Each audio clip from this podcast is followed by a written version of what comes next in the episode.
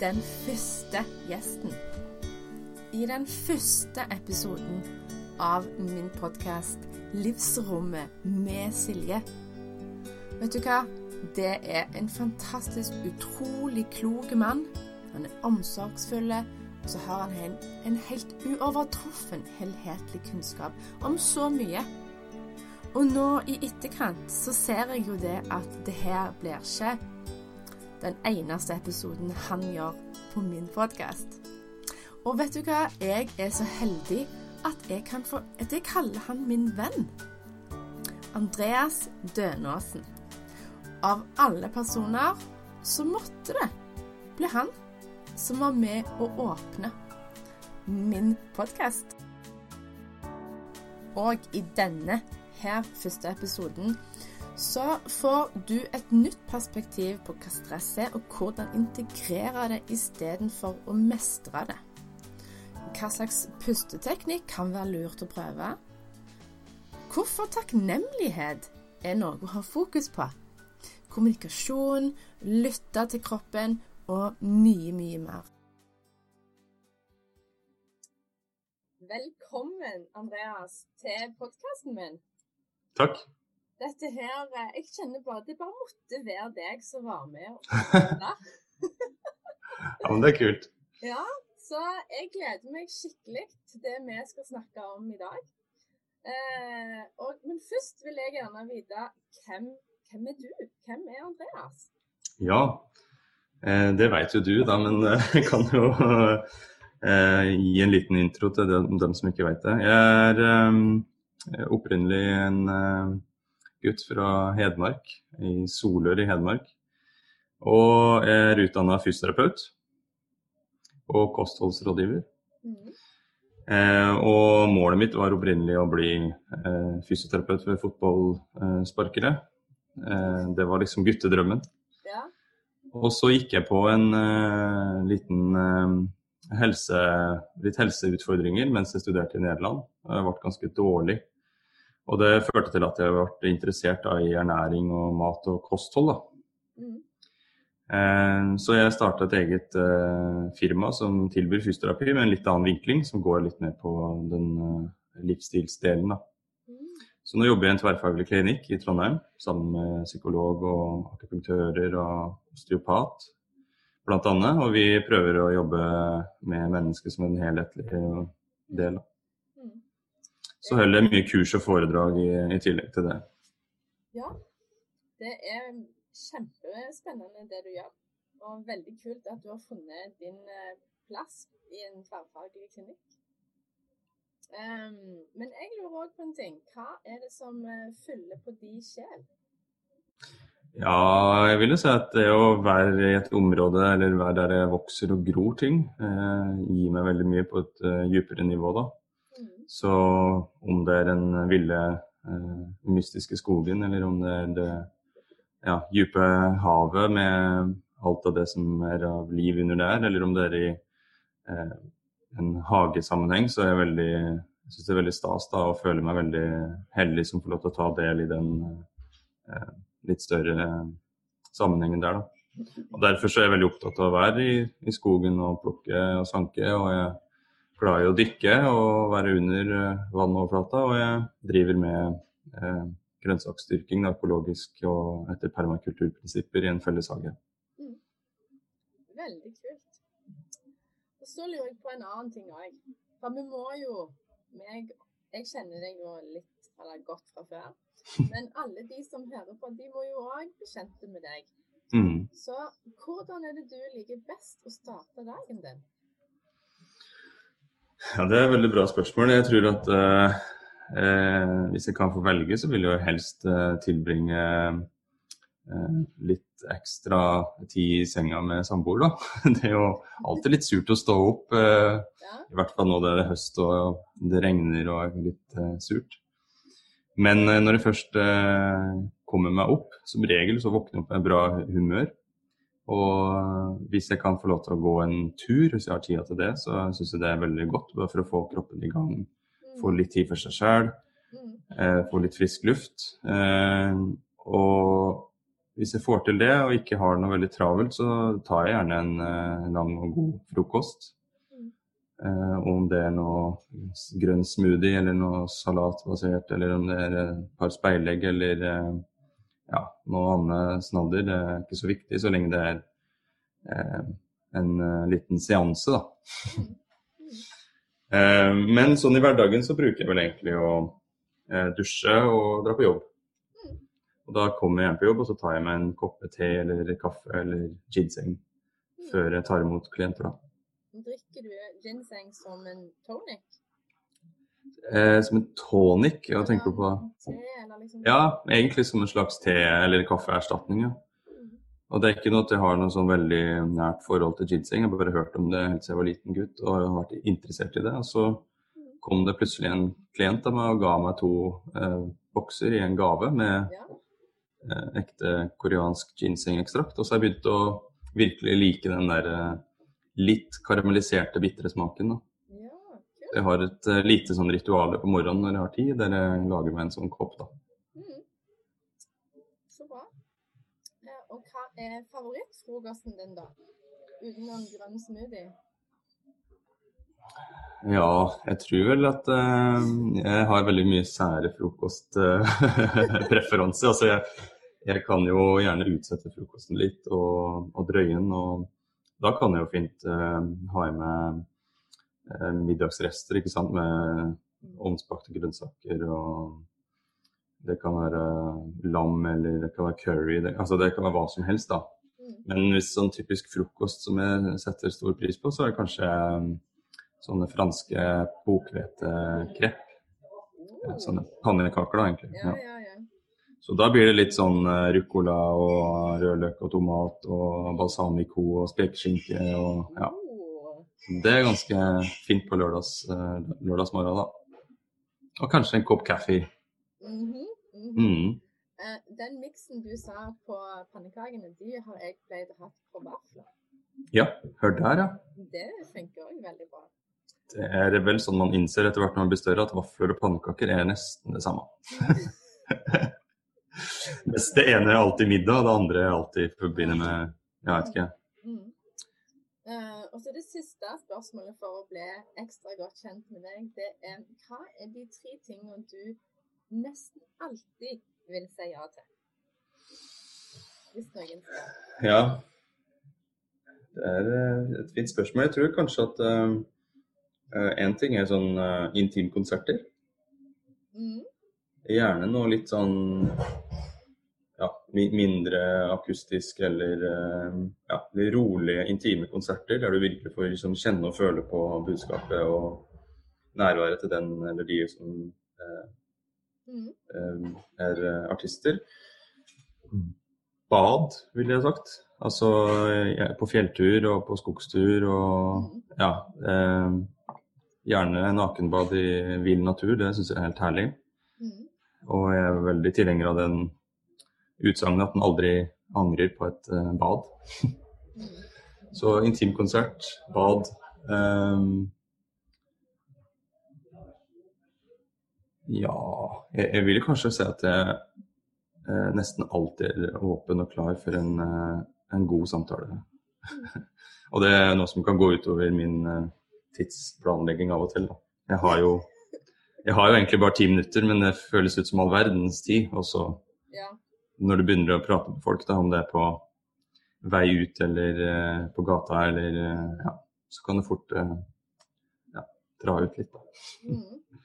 Så genuint interessert i folk og syns det er spennende med gode samtaler. Da. Mm. Ja, det har jeg òg funnet ut om deg, at du er genuint interessert. den nysgjerrigheten du har, og vennligheten Det er bare Første gang jeg, jeg møtte deg, det er jo noen år siden nå, mm. så var det bare Det var akkurat som en del av meg hadde kjent deg lenger. Ja, jeg har hørt mange har sagt uh, sånne ting ja. tidligere. Ja. Så det, det, er veldig kult. Men vi skal snakke om stress i dag. Yes. Det er jo noe som de fleste uh, i både voksen og yngre alder i Norge har, og verden har et forhold til. Ja. Og eh, de fleste har jo dessverre et negativt forhold til det ordet, fordi at de opplever det for mye sjøl. Så jeg tenkte hensikten med denne podkasten, denne episoden, er at folk skal få et eh, helhetlig perspektiv på hva er det, hva kan vi gjøre. For det er jo ikke sånn at man får eh, stressmestring på resept hos legen. Nei, det hadde jo vært fint, men Ja, er funker ikke helt sånn. Nei, det er jo noe vi egentlig må ta ansvar for og Mm. ordne opp i sjøl. Så må vi finne ut hva funker for oss, for vi er Mm. forskjellige. Vi trenger forskjellige ting for å ha lave skuldre, hvilepuls og egentlig den der godfølelsen. Mm. Så eh, hva er Hva mener du stress er?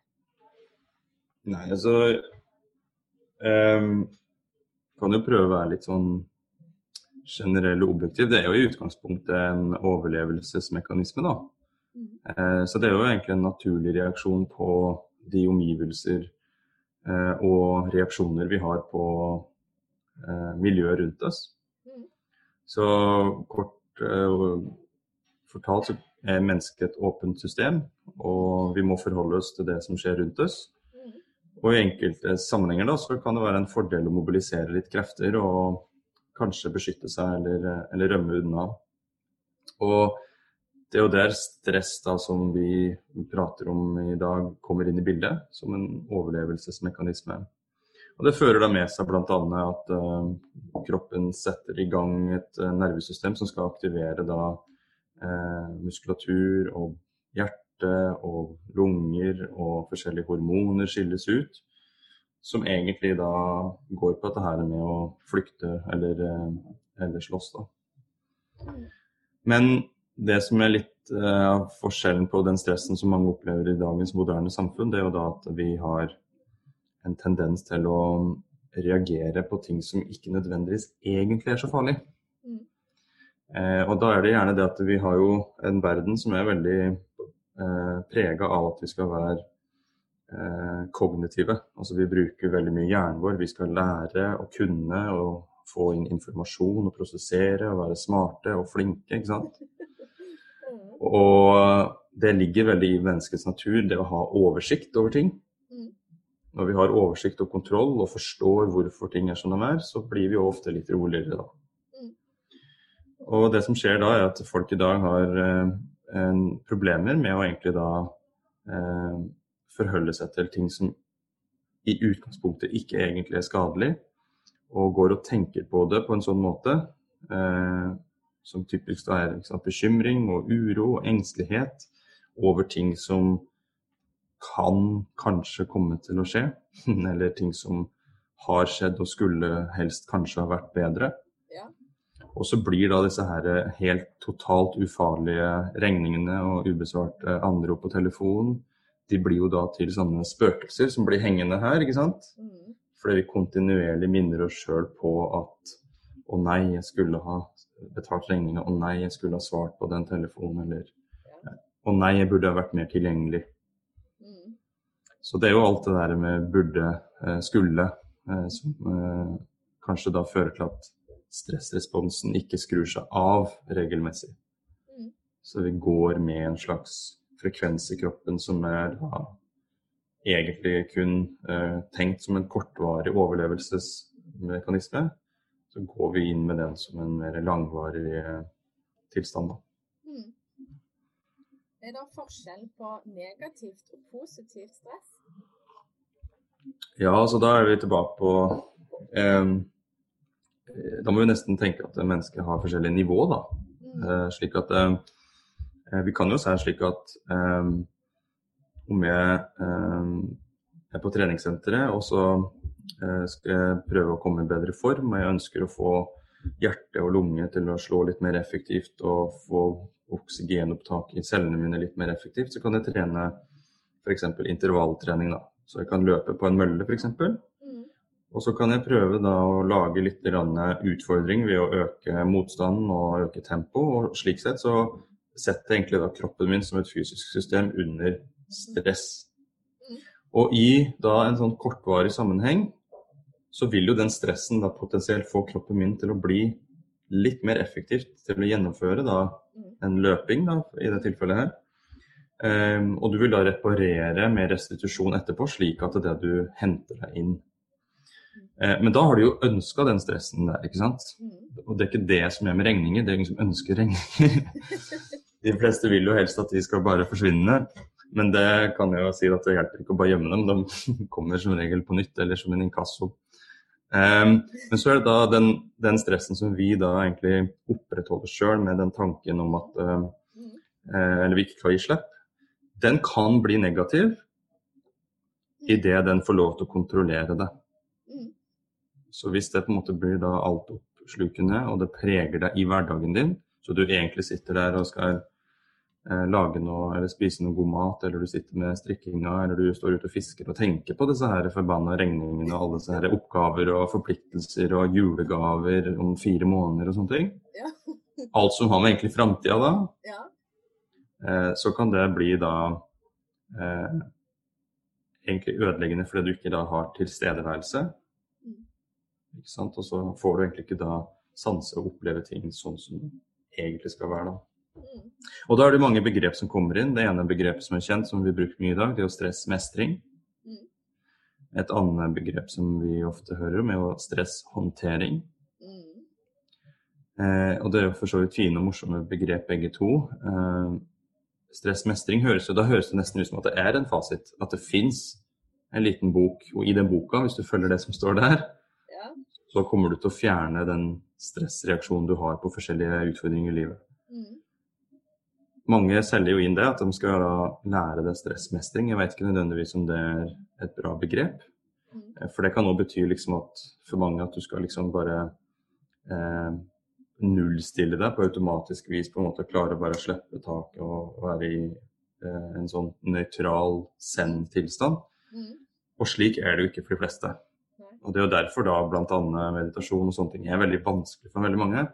Fordi de forventer da liksom at det skal gå fra fullt kaos i huet, masse tanker og stress, og så skal de da bare med den rette teknikken borte. Ikke sant? Og sånn er det ikke.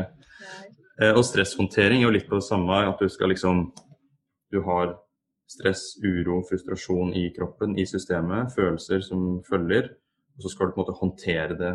Og da er jeg litt sånn bekymra for at ja, betyr det at du skal presse det ned? Eller holde på det, eller vente med å reagere, eller prøve å snu det til noe positivt. Ja, kanskje, men jeg syns det kan være bedre å tenke på stressintegrering. At du skal prøve å integrere det i hverdagen din og finne ut ok, hvordan kan jeg få utløp for eventuelle eh, frustrasjon og spenninger som sitter i systemet. Hva er det jeg kan på en måte gjennom øvelser eller en dialog få allerede bare til å fordunste litt, eller på en måte lette. Mm. Eh, og i hvilke tilfeller bør jeg liksom tenke at stresset skal hjelpe meg? Mm. For det hender seg nemlig det òg, at det, eh, du er i en situasjon der du skal eh, ha en viss prestasjon. Du skal være på, du skal være fokusert. Mm. Det kan være sport, det kan være en konsert, det kan være en, et foredrag, eller det kan være en podkast, sånn som nå, ikke sant. Ja. Så hvis vi, hvis vi, ikke har noe stress i kroppen akkurat nå, så kan det være at det blir litt sånn Ja, OK, ja. Litt, litt daft. Ja. Så du må ha litt tenning, og der kan du da med å bruke stressintegrering, så kan du da mm. finne sammenhenger der du kan da mm. ta det her stresset og så kanalisere det litt mer. Og tenke at nå skal du få den boosten, så at du hjelper deg i den eh, utfordringa eller den mm. skumle situasjonen da, som podkast eller fotballkamp. Eller, ja veldig interessert, eh, interessant med, med stressintegrering. Det er egentlig et perspektiv jeg eh, egentlig ikke har tenkt over på den måten, men jeg likte veldig godt vinklingen din. Ja, kult. Eh, for i min praksis som coach så har jeg tenkt på stressmestring som egentlig de prinsippene du hadde i din stressintegrering, men det var ikke det ordet jeg brukte på det. Mm. Men det er jo egentlig òg det at når kroppen er under belastning, og hvis du da legger en ekstra belastning på enten den er positiv eller negativ, så vil det være, allikevel være en, en bunnlinjebelastning, Og det er jo ikke alltid at kroppen trenger det. Mm. Eh, så Men det jeg lurer på, har du noen forslag og tips til hva mat som kan være lurt å spise for at kroppen skal ha det bedre og føle eller oppleve mindre stressbelastning? Mm. Så når det kommer til eh, det med mat, så er det jo eh, ofte litt sånn at det er uhyre vanskelig å svare på generelt grunnlag, fordi vi er så forskjellige. Mm. Vi har jo veldig ulik genetikk, og vi har ulik eh, tarmflora, vi har ulik eh, yes. Eh, livssituasjon. Men eh, etter å ha jobba med mat i noen år nå og prøvd ut og testa veldig mye på egen hånd, mm. så tror jeg at det aller, aller viktigste når det kommer til mat, det er jo faktisk det å ikke stresse med maten. For det hvis en på en måte blir opptatt av at uh, kroppen fungerer som et maskineri, og at uh, hvis, du har feil, liksom, hvis du har feil bensin eller unnskyld, drivstoff på bilen, og det er en bensinbil, og du har hatt på diesel, mm. så går det virkelig ille, og motoren skjærer seg totalt. Mm. Det er ikke helt sånn med kroppen. Den er litt mer fleksibel, og den har litt uh, mer tilgivelse. Eh, men du kan tenke som så at eh, hvis du ikke er bevisst på hva du putter i kroppen din, og du ikke er bevisst på maten og hva den inneholder eller eventuelt mangler, så kan det plutselig da være at det du ikke gjør kroppen din i stand til å takle eh, stress i hverdagen og andre belastninger på like god måte. Mm. Og de mest grunnleggende prinsippene der, det handler jo da om å prøve å få i seg mat som er mest mulig naturlig og minst mulig prosessert slik at kroppen da enkelt kan kjenne igjen det som naturlige ingredienser, slik som da det opprinnelig kommer fra naturens side. Mm. Og det andre det er da litt på sammensetningen, ikke sant. At vi prøver å ha da en viss balanse mellom proteiner, fett og karbohydrater. Og at det de eh, skal da tilpasse egentlig den eh, livsstilen du har, da. Så hvis du, at du er, eh, du er eh, håndverker og du driver med crossfit som uh, treningshobby, ikke sant? og trener det fem-seks ganger i uka, så er du nødt til å ha i deg da uh, både mer mat totalt, mer kanskje proteiner og i hvert fall mer karbohydrater, enn hvis du sitter på et kontor og du egentlig ikke har noe annet enn din halvtimes gåtur to ganger i uka. Ja. Så det må jo da tilpasses litt ut ifra de perspektivene der. Men hvis en har da enten eh, dårlige rutiner, dvs. Si, eller uregelmessighet i veldig stor grad, hvor det liksom plutselig er frokost eh, grytidlig, og så plutselig neste dag ikke frokost og kanskje først lunsj, og så neste dag så er det frokost, men ingenting før middag. Og du på en måte bare kaster innpå med de veldig enkle, raske eh, løsninger som du gjerne kan plukke med deg på kiosken eller i kantina eller liksom på farten. Mm. Så vil kroppen kunne oppleve det som veldig stressende, fordi den får da en veldig ujevn tilførsel på næring. Og et av hovedprinsippene da for å skaffe egentlig Eller det går tilbake til med overlevelse. At skal du overleve i en kritisk eh, tidspunkt, mm. så må du òg frigjøre energi. Og når blodsukkeret går veldig lavt, så vil jo det gjøre at du frigjør energi for å ha da til blodsukker igjen. Mm. Så det å på en måte ha uregelmessighet og veldig sånne blodsukkersvingninger. Eh, det er jo noe som er i utgangspunktet for veldig mange da, uheldig. Da. Mm. Så bra. Tenker du det er andre verktøy? Du nevnte meditasjon som, ja. som et uh, potensielt verktøy. Ja, jeg kan bare skyte inn det først når vi er på mat, og så nevnte jeg jo trening her. Jeg vil også si at kanskje oppskrifta, da, hvis du eh, virkelig liksom vil kjøre kroppen hardt og, og rått, eh, og virkelig har problemer med stress, så ikke, ikke, ikke gjør det her, da. Men eh, hvis du da har en eller annen eh, Du har fått for deg at du, kroppen din er eh, for stor eller for slapp eller for, eh, for dask eller for tung, og du ønsker å gå ned i vekt, og så skal du da begynne å trene mer, og så samtidig spise mindre. Mm. Og det er gjerne det som tradisjonelt har blitt liksom en form for eh, eh, sannhet. da, At vi må liksom ha et kaloriunderskudd. Og ja, det er for så vidt sannheter i det med kaloriunderskudd, men det å trene mye og hardt på en kropp som får litt lite næring hver dag, mens du kanskje allerede har en del stresskilder i hverdagen, da ber du egentlig om å bare skille ut enda mer stresshormoner. og som du da mest sannsynligvis ikke har kapasitet til å restituere da, Mm. ifra etterpå. Mm. Eh, og Der kan vi jo gå naturlig over til det med meditasjon og ikke minst pust. og eh, Der tenker jeg da veldig at hvis at du først har bestemt deg for å ha rutiner med enten viktige møter, eller du har en travel, hektisk jobbhverdag, eller du er ute og skal i salgssammenheng og du må være på og skjerpa, ikke sant. Eller du eh, har en veldig fysisk tung jobb, eller du har eh, lyst til å trene hardt med spinning eller crossfit og styrke og sånne ting. Så er det ekstremt viktig, mener jeg, da, at det du får kroppen ned i gir, får ned stressnivået etter økta. Mm. For du starter jo egentlig restitusjon allerede når du har lagt fra deg vekta, eller ikke sant, parkert sykkelen eller hoppa av sykkelen i en spinningsammenheng. Det er jo da allerede du begynner med restitusjon, og det er jo der du da skal prøve å få denne her hjernen da, og nervesystemet og kroppen over i en sånn eh, reparasjonsmodus. Eh, Og da er pust og meditasjon veldig gode eh, verktøy. Eh, og det kan være helt sånn banale ting, som at det du har kommet litt dårlig ut en morgen, du sto opp litt for seint, du må springe til bussen for å rekke jobb eller eh, skole eller noe sånt. Og så kommer du på bussen, og så har du ikke billett, og så blir du kjefta på fordi eh, du hadde ikke billett. Og ja, men sorry, jeg måtte springe, ikke sant. Så er du opphausa, stressa, litt engstelig. Mm. Når du først har da liksom fått gjort klart det med billetten, og du kan sette deg ned, allerede der, så er det bare å begynne å lukke øya. Prøv da å stille deg sjøl, Mm. og få inn pusten. Eh, For det pusten kan du bruke for å få regulere ned nervesystemet. Det er jo helt fantastisk. Det er jo så eh, fantastisk, ikke sant? Vi bruker jo pusten hver dag, ofte hver minutt, sant? Yes, kommer ikke unna den. Nei. Og hvis vi klarer å bruke det bevisst Mm. til noe som er så fordelaktig og så Ja. jordende Ja. Og nylig så fikk jeg en link eh, fra et, eh, eh, et eh, avis.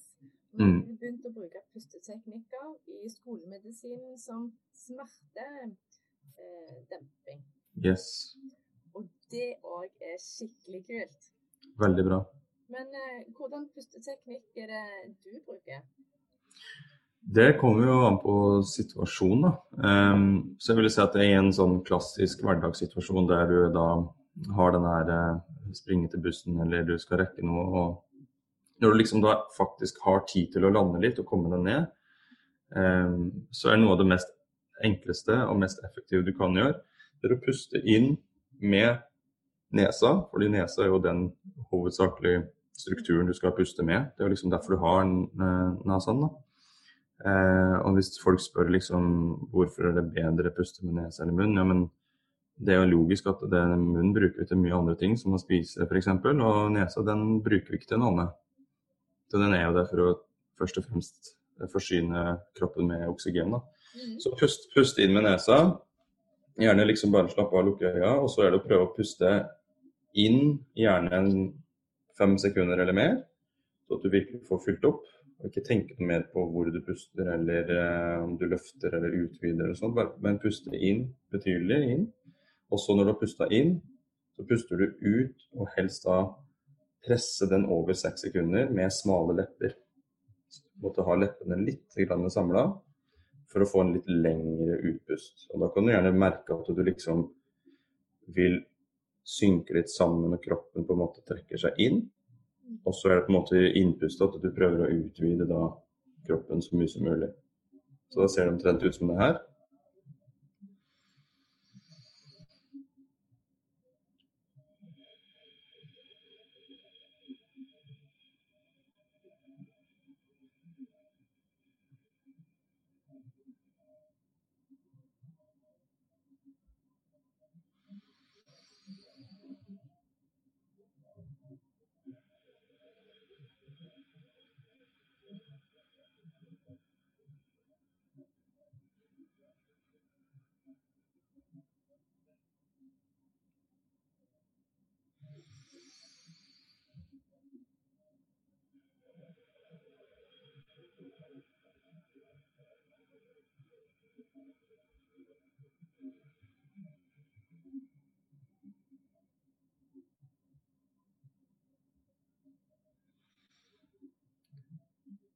Og allerede der så blir jeg varm, litt Mm. døsig, litt blank i øya. Mm. Og jeg ser at fargen her har endret seg litt nå. Mm. Så Det er litt klarere kontraster. Jeg skal ikke mer til. Mm.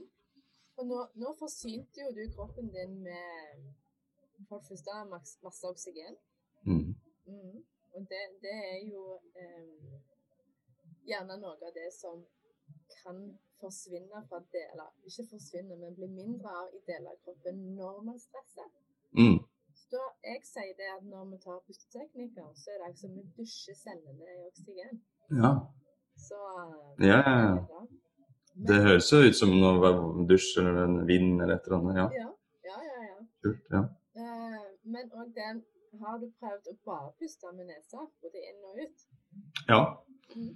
Jeg opplever at det er sånn, i hverdagen så er det det rådet jeg bruker å gi, og det er det jeg prøver å følge sjøl. Jeg puster egentlig hovedsakelig inn og ut med nesa stort sett hele tida.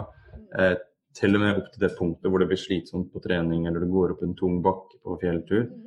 Mm. Hvis det, du på en måte merker at ok, nå er det litt for lite, litt for trangt, da kan du begynne å puste i munnen. Men primært pust inn og ut med nesa hele tida.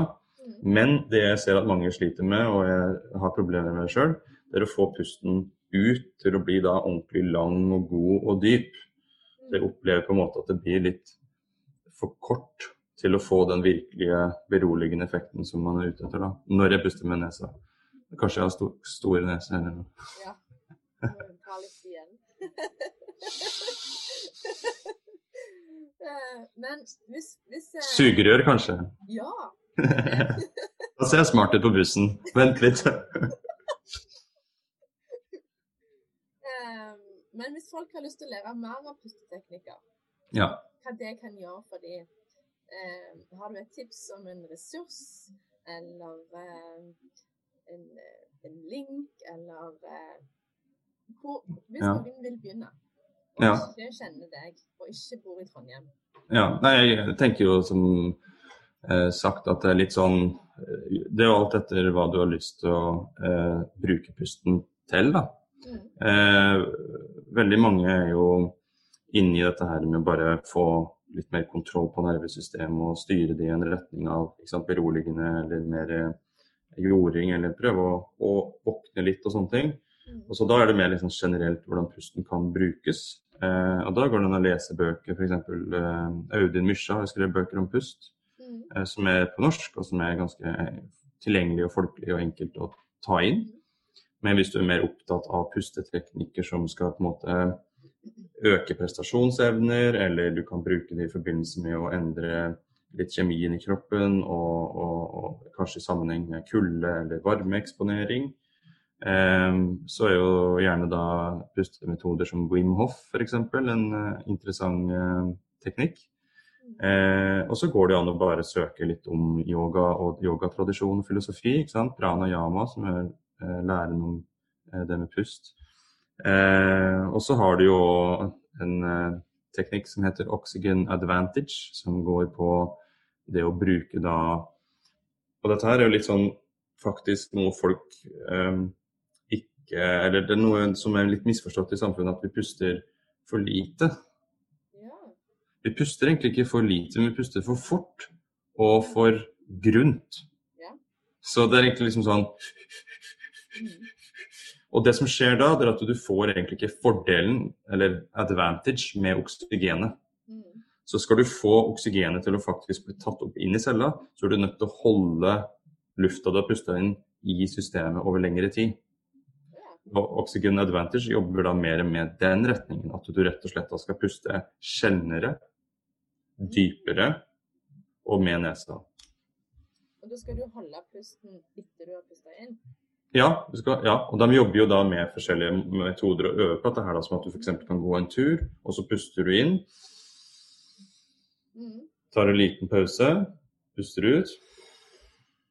Og så skal du holde på pusten da en distanse, ikke sant. Så kan du begynne med noen sekunder, og så for at kroppen skal bli flinkere til å trekke til seg oksygen.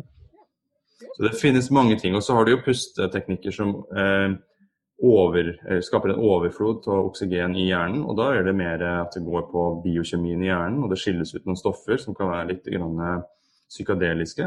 Mm. Eh, og det er bl.a. sønnen til eh, politikeren som har eh, eh, begynt med det, han Støre. Magnus Støre, tror jeg han heter. Og da er det rett og slett å eh, jobbe med både følelser og traumer og det litt mer eh, spirituelle eh, ved hjelp av veldig da sånne intense pusteteknikker. da. Mm. Som knyttes opp til sjamanisme og gammel uh, visdom. da. Yes, kult. Spennende. Så det, det er mye forskjellig. Ja, pusting det er så anvendelig det er egentlig både for, for smale nisjer, men Ja. også for allmennheten. Man, Ja. Mm. Og når det er noe vi bruker hver dag hele veien, så hvorfor ikke bare snu litt på flisa, sånn at vi kan bruke det til enda mer fordel. Yes. Good. Men du som jobber som eh, fysioterapeut, hvordan møter du på symptomene av stress i din jobb? Ja, det møter du vel egentlig Jeg vil kanskje si at det er eh, gjennom en, en, den første samtalen at det kommer fram da ofte. Eh, og det er jo gjerne da at eh, vedkommende har kanskje fått noen plager som ofte vi assosierer med litt sånn spesifikke eh, aktiviteter eller, eh, eller ulykker, eller uhell. da. Mm. Eh, så når det liksom er, da er eh, plager som stiv nakke, spenninger i, i, i, i skuldre, og for så vidt òg litt sånne f.eks. bilaterale, altså at du har liksom fått betennelse i begge skuldrene eller begge knærne eller begge hælene og sånne ting, så, eh, så begynner du på en måte å tenke at det er noe underliggende. da. Mm. Eh, Det kan òg være ryggvondt som på, liksom på MR ser bra ut, og på testing så er det ikke noe funn. Og det er liksom ikke noe store vært noen skader, ikke vært noen eh, inngrep, ingenting. Og Da er det ofte at du må prøve å kartlegge litt av livssituasjonen til det her mennesket, og høre litt ja, hvordan er det egentlig med de vanlige, grunnleggende menneskelige behovene dine. Mm. Får du den søvnen du skal ha? Mm. Spiser du godt og regelmessig? Mm. Har du gode relasjoner og trygghet i hjem, på jobb? Ikke sant? Er du aktiv hver dag, og har du en form for bevegelse som du eh, prøver å gi kroppen eh, litt eh, ernæring i, i form av bevegelse? Det er jo sånne ting, da. Mm. Um, og vi ser jo gjerne òg at folk som har mye stress i systemet, um, ofte er mer sensitive. Så de blir sensitive for smerte, Mm. sensitiv for kulde, sensitiv for alt som er litt sånn stimuli som um, nervesystemet håndterer. Ja.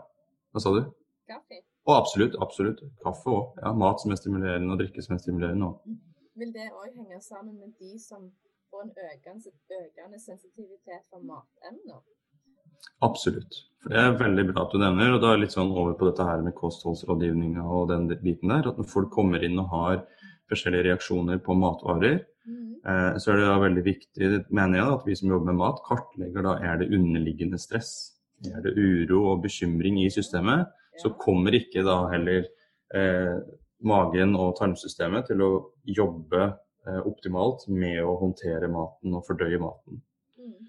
Og veldig ofte så er det sånn at eh, eh, de som har en, eh, en form for, la oss si, litt ubalanse i magetarm og har problemer med fordøyelsen, har mye symptomer som ikke igjen er noe alvorlige sykdommer, ikke noe ikke liksom skjedd noe, ikke noe eh, infeksjoner eller noe sånt noe.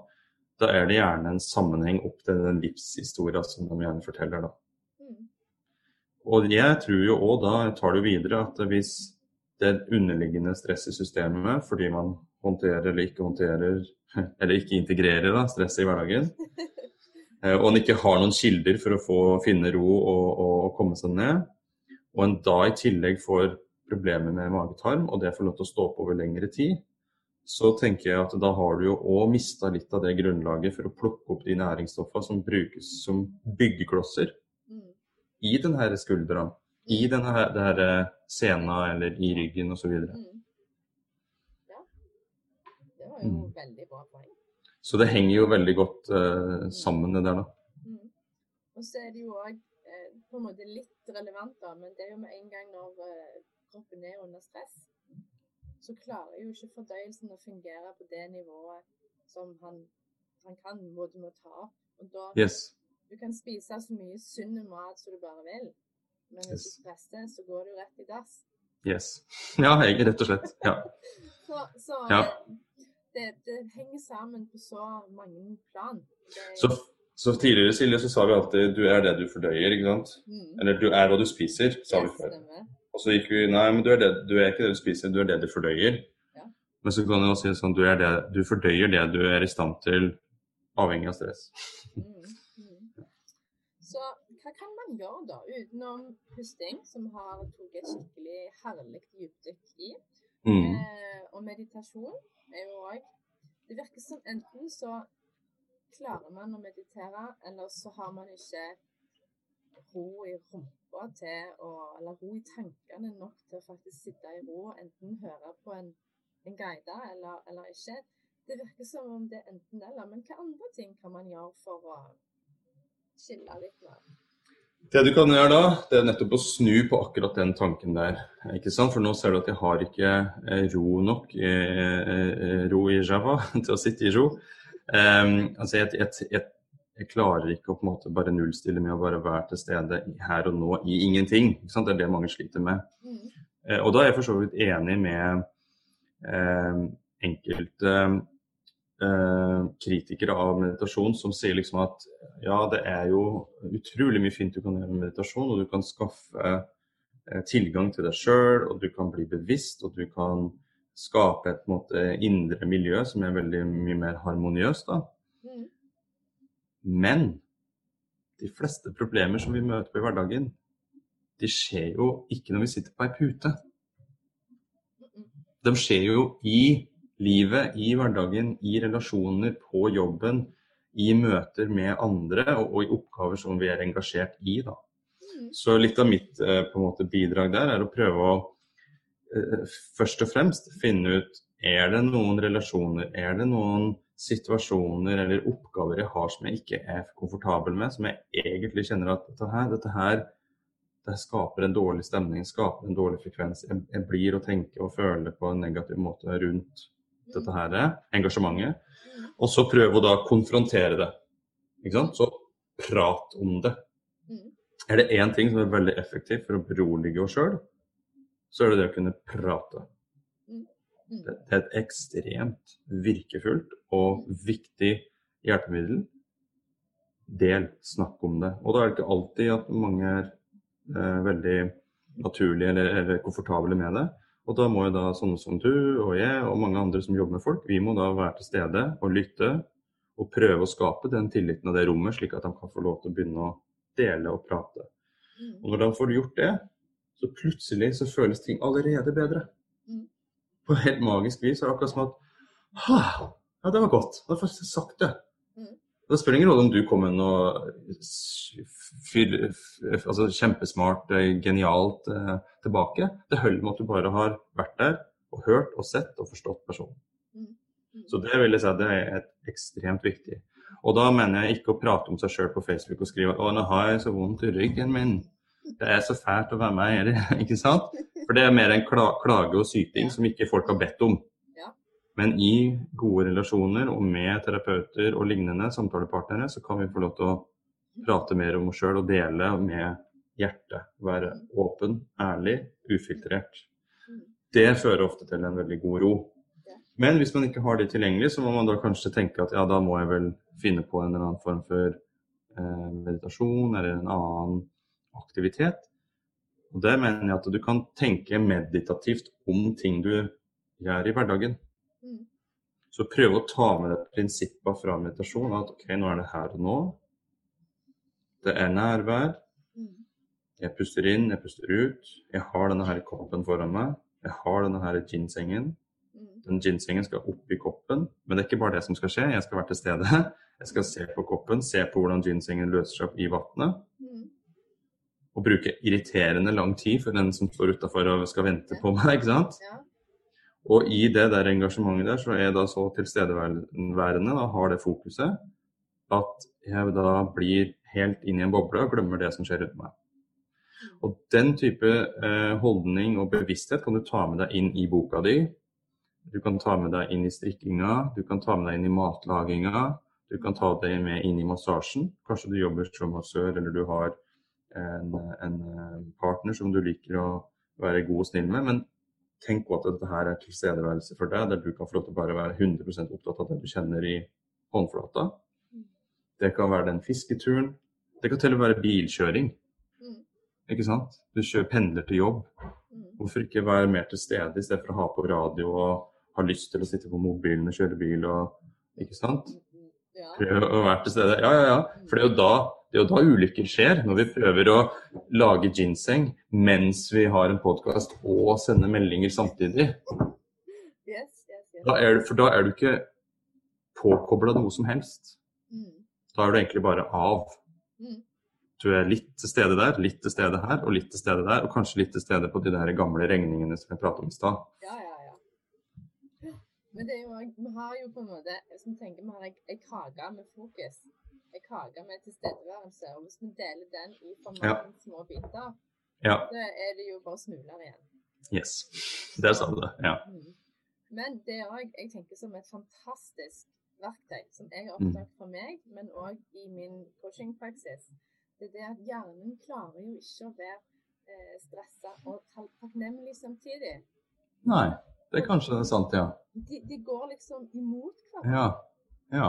Så når det jeg lærte meg tidlig i min eh, reiseprosess, Mhm. det var det at selv om det butter imot, selv om det er motstand, utfordringer, og jeg føler at det blir for masse, så det er Mm. OK. Hva kan jeg være takknemlig for nå?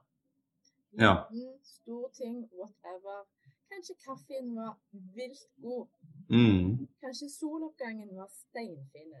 Kanskje Ja, så- det var en fin sommerfugl. Mm.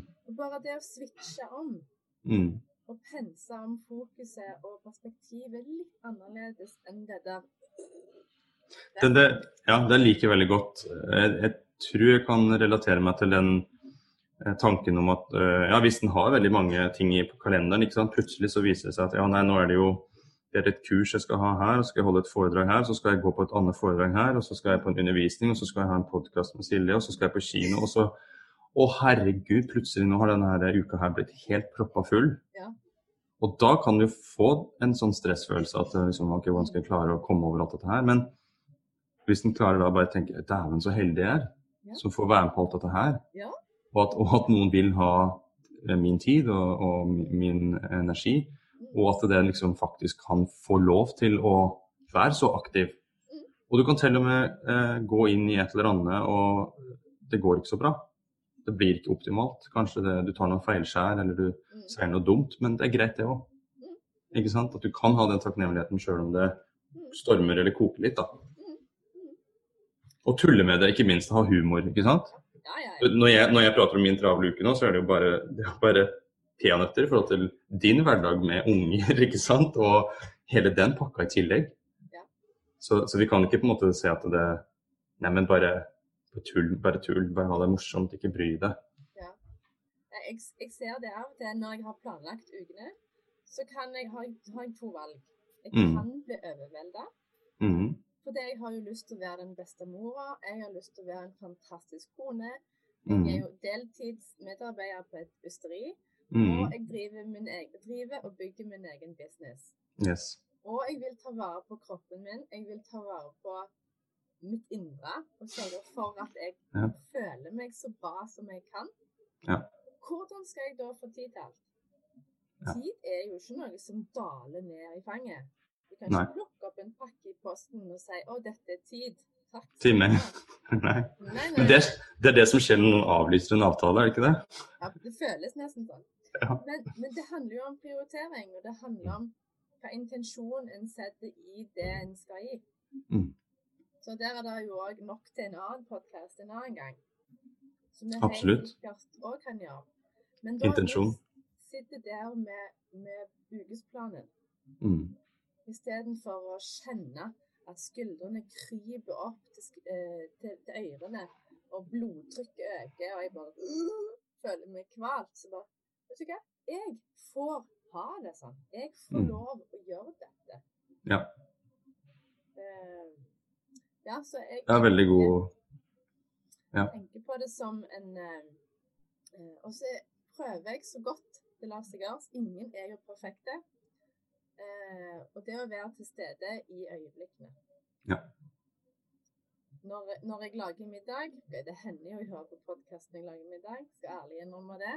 Mm. Men det der når jeg gjør ting, så gjør jeg de tingene, og så nyter jeg de tingene. Og hvis tankene da går av gårde og sprinkler med, Mm. med glitter og sommerfugler og hva enn det måtte være, så, så er jeg i tankene da. Mm. Mm. Og det, jeg tror det siste vi kan gjerne avslutte med, Ja. det er det man, valget man òg har når man gjør de kjedelige tingene som vi voksne folk må gjøre. -hmm. Henge opp klær, vaske klær. Når Mm. man er mor til tre jenter som gjerne går igjennom syv outfits hver dag. Og det er ikke alltid de hiver de skitne klærne til vask engang, men gjerne alle. Ja. Da blir det mye klesvask. Og jeg har òg valget med å gjøre klesvasken til det kjipeste, badeste, sinteste, Mm. ulmende følelsen, som vil da bli et stresselement. Mm. Men hva hvis jeg da gjør det om til mest mulig positivt? Yes. Hvordan kan jeg gjøre det til mest mulig positivt? yes. Jeg kan ringe en venn Ha det på mens du Ja. Ja, og snakke i ørepluggen. Ja, ja, ja. ja. Eller så kan jeg høre en podkast, Yes. noe som bringer meg opp. Yes. Eller så kan jeg bare høre på musikken som får meg til å danse fletta av. Ikke sant? Uansett om det er oppvask, så er det ja. Rytme, musikk. Ja. Noe som gjør at man føler, føler det bra På- i seg. På kroppen, og du aktiverer følelser. Ja. ja. Jeg har en annen eh, liten som vi kan skyte inn her til slutt. Da. Det er, eh, jeg var på en sånn eh, frokost, eh, eller kaffe, kaffefrokost eh, til en kompis eh, forrige dagen. Han er fotograf og jobba med foto og bildetagning i noen år nå. Og med dagens teknologi så har du jo ikke begrensninger på forskjellige eh, kameraer og programvarer og teknikker og metoder for å editere og, og, og, og jobbe med etterarbeid på, på bilder. Eh, og han har på en måte følt seg litt mett på det eh, nå, og ønsker egentlig å på en måte komme litt mer tilbake til den grunnleggende sjølve fotograferinga. Mm. Så han har liksom investert da i et gammelt kamera fra 1980. Ja. Eh, helt analogt. Han har eh, tolv bilder på én rull. Ikke sant? En liten eh, sånn eh, studio der han tar noen eh, fotografier. Og jeg var der da nå og så hele prosessen fra at han tok fram det kameraet, satte inn rullen, Mm. fram til at bilden da var ferdig framkalt. Mm. Eh, og det han sier da, at han liksom har aktivt bestemt seg for å gjøre en analog og litt bakvendt fotografering. Mm. Fordi det fjerner da alt av dette her med teknologien som blir liggende imellom. Mm. Og så er det mer da eh, at han for å få gode bilder, så har han jo bare tolv sjanser. Ja. Han kan ikke bare knipse og knipse og ha 2000 og så sitte på PC-en og slette. Så han må i de tolv bildene, tolv trykk, Mm. så må han da være fokusert til stede, få kontakt med den som er modell eller motivet. ikke sant? Mm. Nærvær, tilstedeværelse. Og det er jo i det nuet at han trykker på knappen at det bildet blir tatt. Mm. Og så etterpå, når han skal da fremkalle bilder, Ja. så tar jo det gjerne litt lengre tid. Så hvis han da først har tatt noen sånne tre-fire ruller med film, så må han da sette av noen timer. Sette av en kveld. Mm. Og da er det fram med utstyret og baljer og væske og blandinger og kjemikalier. Men da gjør han det til en greie der han da kanskje tar fram et glass vin Mm. ikke sant? og koser seg med fremkalling av bilder Mm. på en veldig da intensjonelt da tungvint måte. Og Det der likte jeg veldig veldig godt, for det er liksom det å bare eh, skrelle av all teknologi som gjør det lettere. Mm. Stemmer.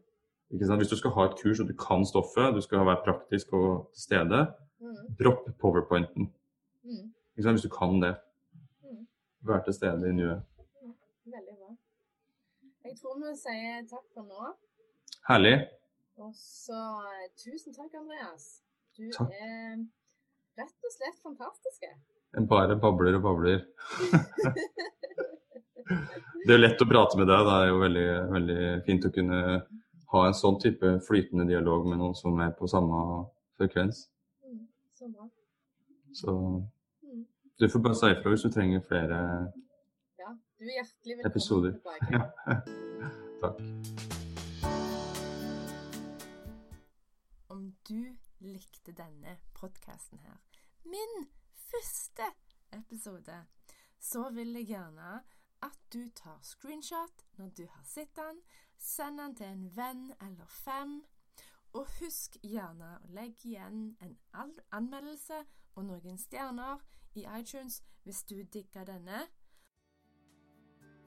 Varm klem fra meg til deg.